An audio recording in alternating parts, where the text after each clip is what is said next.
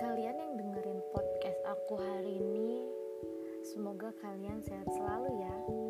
Dan jangan lupa untuk jaga kesehatan. Hari ini aku mau sharing ke teman-teman seputar kontribusi podcast untuk perubahan sosial di masyarakat. Mungkin banyak dari teman-teman yang gak sadar atau bahkan mungkin gak kepikiran sama sekali tentang topik ini. Tapi ya gak apa-apa. Mungkin teman-teman dengerin podcast cuma sebatas suka mendengar atau mungkin cuma mengisi waktu aja.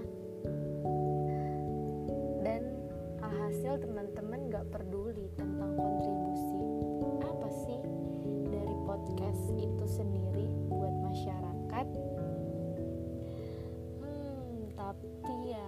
itu sah-sah aja. Balik lagi ke tujuan dan kebutuhan teman-teman. Tapi di sini aku mau mengangkat topik ini karena menurut aku podcast sendiri itu udah semakin berkembang di Indonesia. Dan menurut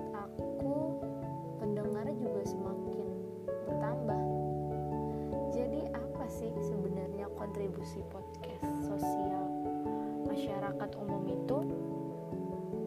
Menurut aku, kontribusi podcast bagi perubahan masyarakat yang paling kelihatan itu di efisien waktu.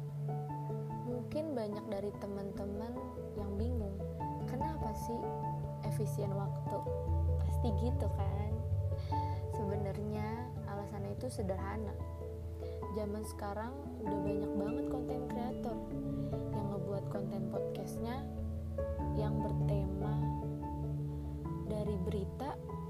gosip, ngobrolin teman, atau tentang kehidupan. Bahkan tentang per- percintaan juga. Dan teman-teman tahu sendiri zaman sekarang orang kalau ditanya ngedengerin atau baca pasti jawabannya dengerin karena yang nggak memakan waktu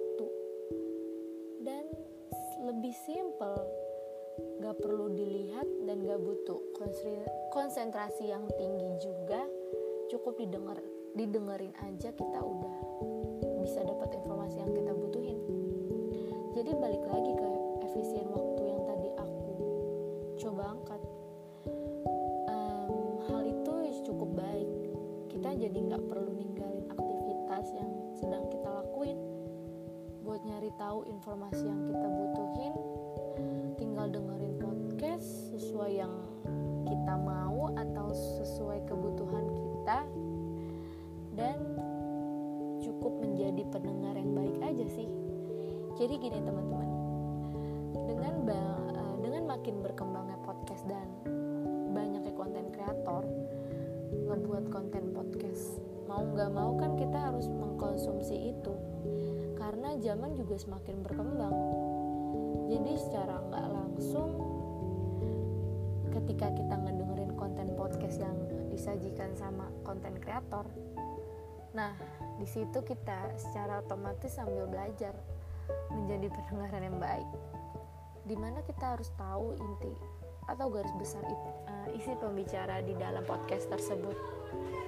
So jadi pendengar yang baik itu bukan kita cuma dia mengedengerin orang ngomong tapi ya kita harus tahu isi dan tujuan omongan tersebut